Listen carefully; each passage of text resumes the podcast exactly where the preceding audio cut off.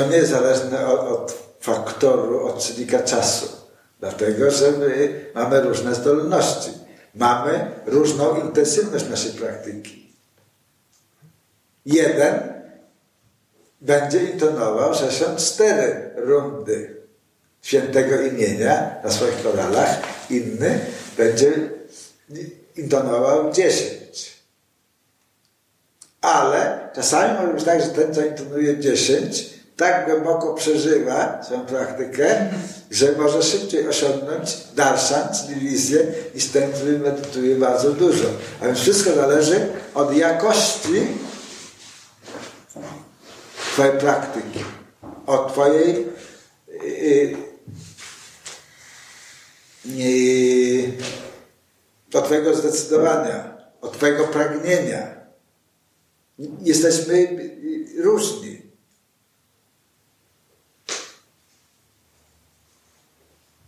Także to będzie subiektywne. Dla jednego to będzie jutro, dla innego będzie to za 100 lat, albo za 50. Ty sam decydujesz o tym.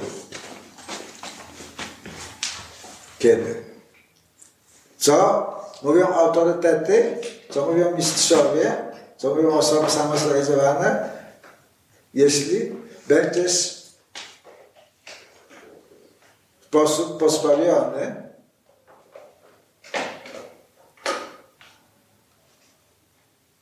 różnych błędów i, i nieczystości intencji, nieczystych intencji, wtedy ten sukces jest gwarantowany bardzo szybko. Z drugiej strony szybko Weda powiada, że jesteś wieczny. Twoje ciało się zmienia. Każdy z nas jest wieczną istotą, a więc y, możemy. Y, y, co oznacza jak szybko? Za 30 żyć w tym życiu, za 3 lata, za miesiąc. No, w perspektywie. Bo ludzie chcą często no, w dzisiejszym społeczeństwie jakiejś tam gwarancji, że na przykład będą praktykować to i to, przez miesiąc czasu, no i potem będą wiedzieć, czy to skutkuje dla nich, czy nie skutkuje. I dlatego to tak ja sobie zdaję sprawę i celowo, będąc świadomy tego wszystkiego, co zadałem, bo no, się stykałem z różnymi, powiedzmy, y, grupami i coś tam próbowałem praktykować. No i bywało tak, że no, starałem się wszystko wykonywać, mieć coś w rodzaju mistrza i, i bardzo tak skrupulatnie wszystko przestrzegać. No i tak powiem, że nie miałem za, za dużych sukcesów. Także. Podświadomość się broni. No, powiedziałem, że będę próbował co jakiś czas i stąd moja obecność jest. Nie. Y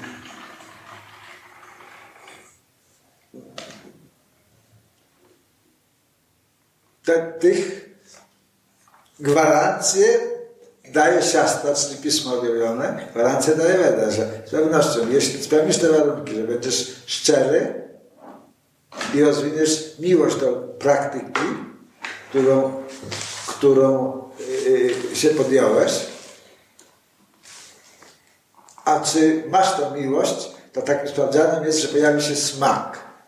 Kiedy nie pojawi się smak do do, do praktykowania mantry, to znaczy, że ta miłość jest nieobecna. Skoro ta miłość jest nieobecna, więc, yy, więc to się nie pojawiło. Także obecność utsaha jest taki termin sanskrycki. Entuzjazm jest znakiem, że dzieje się dobrze. Jakkolwiek takim ważniejszym wyznacznikiem jest to, że pojawi się smak. Bo entuzjazm może być wiesz, początkowy, później może zgasnąć z różnych przyczyn. Prawda? Zazwyczaj upatrujemy yy, przyczyny utraty entuzjazmu przez działalność innych osób. Nigdy nie oskarżamy y, samych siebie, dlatego że mamy wrodzone poczucie megalomanii. Każdy nas uważa, że świetnie myśli, że jest doskonały i że podejmuje najbardziej właściwe decyzje. Zawsze. Nikt nie przychodzi i, nie wywnętrza się z tym, że no, że się wygłupił, albo że zrobił coś niewłaściwie, tylko zawsze szuka usprawiedliwień, że nie, nie, to nie przeze mnie, ponieważ ci drudzy taką sytuację e, przygotowali, czy, czy zainscenizowali, to właśnie tylko dlatego ja nie osiągnąłem sukcesu. Taką każdy z nas ma yy, skłonność, bo to jest ta po prostu megalomania, poczucie wielkości, jakie, jakie każdy nas hołduje. Także medytacja praktykowana w sposób właściwie, właściwy stopniowo yy, likwiduje to poczucie tej, tej wszechpotęgi, tej megalomanii, prawda? Bo to jest yy, zauważ. Nikt nie narzeka na brak rozumu. Narzekasz na wiele rzeczy. Czasu nie masz, pieniędzy nie masz, yy, to nie pasuje, tamto nie pasuje, ale jakoś nikt się nie afiszuje z brakiem rozumu, tylko wiesz, każdy mówi, że oni są głupi, albo oni nie rozumieją, albo tak. Okej, okay, czasami żartobliwie, oczywiście, żeby e, okazując komuś, komuś mówi, ale głupi jestem, ale a ze mnie i tak dalej. Ale to jest taka zabawa, to nie jest naprawdę. To jest taka proforma, takie zachowanie, prawda? Rozrywkowe można powiedzieć, kabaret. Ponieważ w swojej istocie uważamy, że mamy pełne wiedzy. Jesteśmy, to jest omni, poczucie omnipotencji. Megalomania. Każdy z nas jest megalomaniakiem, dopóki nie zostaniemy samozrealizowani. Niektórzy są super megalomaniakami, ale wszyscy inni, którzy nie są samospełnieni, samozrealizowani, też nimi są. Sorry to say, przykro mi to stwierdzić, ale takie są fakty. Wystarczy otworzyć szeroko oczy i posłuchać wszystkich dookoła. Nie, nie musimy daleko szukać. Naszej rodzinie. Nasza żona uważa, że ma rację, a my uważamy, że my mamy. Czasami nawet okazywane nam są niezbite dowody, że nie mamy racji, a nadal się opieramy, usiłujemy wszystkich przekonać innych, że, yy, że mamy rację, tylko inni nas nie rozumieją. Albo użyli niewłaściwych albo nieczystych metod, ażeby opisać tą sytuację. To zjawisko. Każdy uważa, że wie przynajmniej tyle, co inni, a tak naprawdę każdy uważa, że lepiej rozumie wszystko niż inni. To jest fakt, który trzeba sobie uzmysłowić i który może być, bo nic nie jest złego z natury, wszystko może obrócić się na dobre. Ale aby tak się stało, musisz zaakceptować fakty egzystencjalne. I faktem egzystencjalnym jest to, że każdy z nas jest megalomaniakiem kiedy uwikłany kompleksowość tego materialnej egzystencji. Dlatego celem medytacji jest się wyrwać poza te ograniczenie, jakie niesie uwikłanie w ten świat materialny. Innymi słowy, musimy wejść do realności albo do rzeczywistości duchowej, gdzie wszystko jest up and down, gdzie wszystko jest do góry nogami. Bo tutaj tej rzeczywistości na białe mówimy czarna, na czarno mówimy białe. Dlatego, że wrażenia pochodzące od naszych zmysłów są odczytywane w sposób niewłaściwy poprzez nasz skonfudowany umysł. Celem medytacji początkowym może być uspokojenie umysłu. Kiedy umysł się uspokoi, wtedy wizja albo postrzeganie stanie się wyraźniejsze. A kiedy postrzeganie stanie się wyraźniejsze, Wtedy możemy dostrzec takie pokłady rzeczywistości, które w chwili obecnej są dla nas zamknięte. Więc jeśli ktoś ma wystarczająco determinacji i zainteresowania, ażeby poznać samego siebie, powinien podjąć się praktyki medytacji. Najlepiej, aby było to praktykowane pod kierunkiem kwalifikowanego mistrza, do którego, aby mógł być naszym przewodnikiem, trzeba biegiem czasu rozwinąć ciepłe uczucie przyjaźni, a wręcz miłości, ponieważ tylko kiedy to uczucie jest obecne, wtedy jesteśmy w stanie zrezygnować dobrowolnie z części swojej niezależności, co jest niezbędne w procesie medytacji. Bez miłości jest to niemożliwe. Jeśli nie pokochamy naszego guru, jego przewodnictwo będzie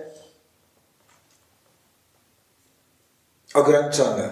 Do, tylko do tego momentu, kiedy nas nie wyprowadzi z równowagi. Ponieważ, no, jak nas nie wyprowadzi z równowagi, ponieważ, no, zawsze byśmy niezrównoważeni, ale nam się udało, że jesteśmy w równowadze.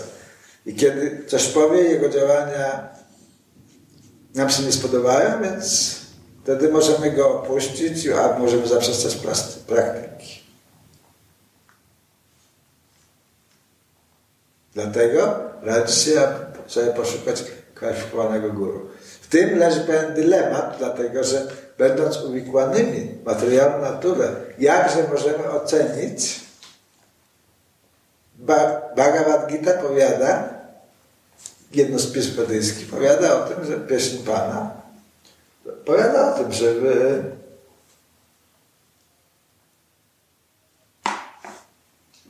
nie ma takiej możliwości, ażeby dokonać właściwej oceny, kiedy nie ma wewnętrznego spokoju, kiedy nie ma realizacji.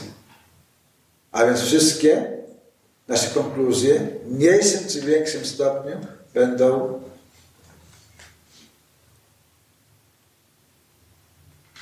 niekompletne. Dlatego różne techniki medytacyjne mają na celu zlikwidować ten brak.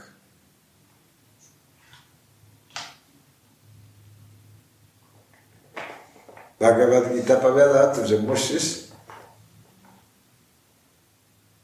aby medytować w sposób efektywny, musisz poznać to, kim jesteś. Oczywiście informuje się Ciebie, Wedyjskie, jesteś, mówi się Tobie, że jesteś duszą nieśmiertelną, ale musisz to doświadczyć wewnętrznie swoim przeżyciem. Innymi słowy, mu, musisz nabrać tej pewności. I ta pewność pojawi się w formie takiego aha doświadczenia. I to jest taki ten naprawdę punkt startowy. Bo dopiero, kiedy rozpoznamy, kim jesteśmy, jaka jest nasza swa rupa, jaka swa w sanskrycie znaczy własny, rupa znaczy postać. Jaka jest nasza właściwa postać albo forma. Wtedy będziemy w stanie działać w sposób właściwy. Poznaj samego siebie. To co Abrahamą w Delfach. A więc ta wiedza o tym, co jest właściwe i co jest istotne, była zawsze obecna u ludzkości. Przykryta różnymi formami egzystencji, różnymi wierzeniami, różnymi religiami ponieważ są, jest, są religii, jest duchowość. Medytacja, kiedy praktykowana w sposób właściwy, nie należy do sfery religii, tylko należy do sfery duchowości. A duchowość nie jest polska, katolicka czy indyjska. Duchowość jest z ducha. Duch jest uniwersalny. Jest wszędzie, jest zawsze i jest tym samym. Bez względu na czas, miejsce i okoliczności. Natomiast religie są różne, uzależnione od strefy geograficznej, od grupy etnicznej, od uwarunkowań historycznych, politycznych, etc., etc. 500 lat temu w Ameryce Północnej i Południowej nie było chrześcijaństwa. W tej chwili jest.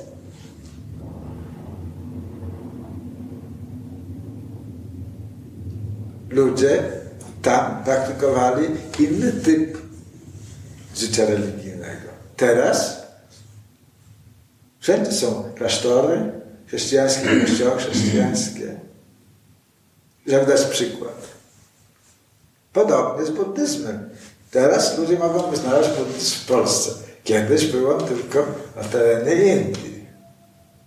Później przeniósł się do większej Indii, czyli do, do, do tego Greater India po angielsku. Czyli to, co jest dzisiaj Kambodża, Birma, Afganistan, to wszystko były Indie kiedyś. Barata właśnie, kraj Baraty. Albo Aryavata, kraj Aryów, inne określenie.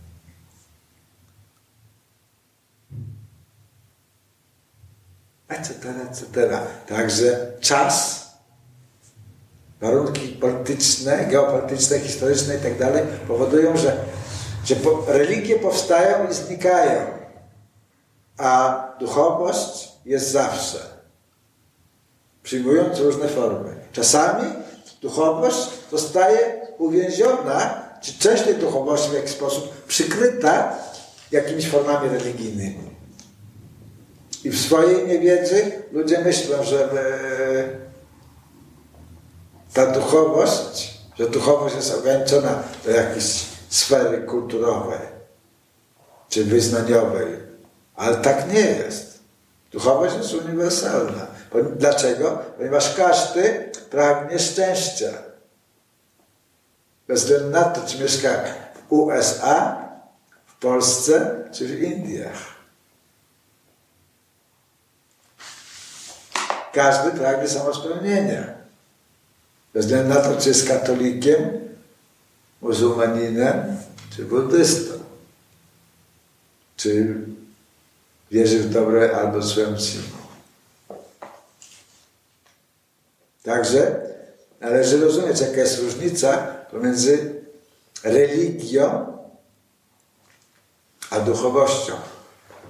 W naszej kulturze tutaj mniej więcej stawia się znak równości pomiędzy duchowością a, a, a, yy, a życiem religijnym. Ale to nie jest fakt. To jest pewne, pewna propozycja, to, to jest pewien pogląd, który nie znajduje, który jest niezgodny z prawdą. Nie znajduje pokrycia w rzeczywistości.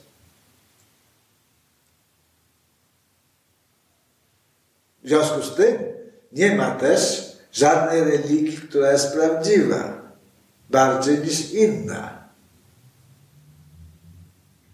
Wszystkie są tak samo ograniczone.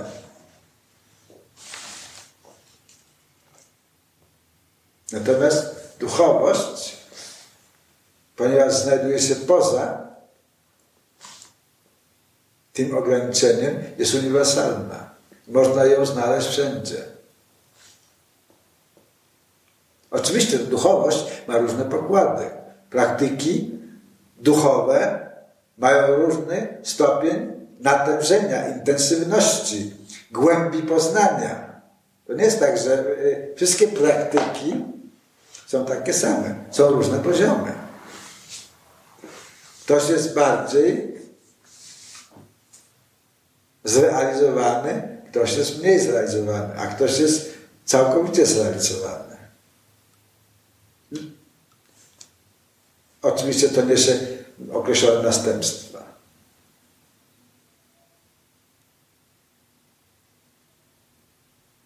Także medytacja, jeśli praktykowana w sposób właściwy, pozwala nam zrozumieć te wszystkie sprawy. I kiedy pojęcia przestaną być mylone, wtedy możemy uzyskać niezbędną energię do naszej praktyki. I powiedziane jest poza tym, że potrzebne jest też odpowiednie towarzystwo. Więc jeśli ktoś lubi to, co widzi na tych obrazkach, powinien poszukać takich ludzi, którzy lubią też te obrazki i, i praktykować swoją medytację w taki sposób. Bo inaczej tak nie będzie możliwe. Nie możesz medytować o tych postaciach, będąc gdzie indziej, albo nie lubiąc ich. Prawda? Że kiedy się nie wydają piękne albo w jakiś sposób fascynujące, nie znajdziesz odpowiedniej motywacji, aby tego robić.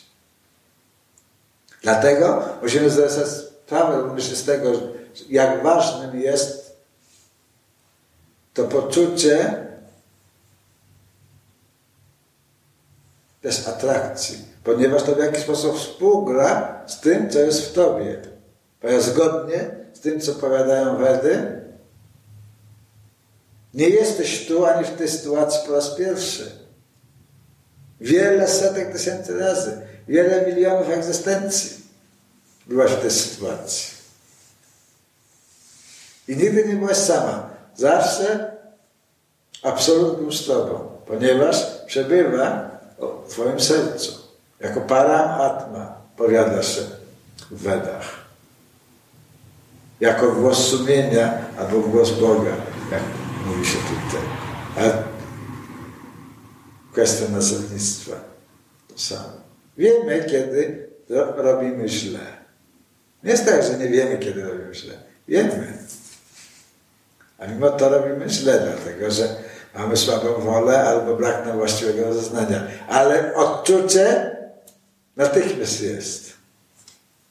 Pojawia się poczucie winy, wstydu. To są znaki od sumienia, to są znaki od paramatmy, że coś tutaj nie gra. To jest niewłaściwe.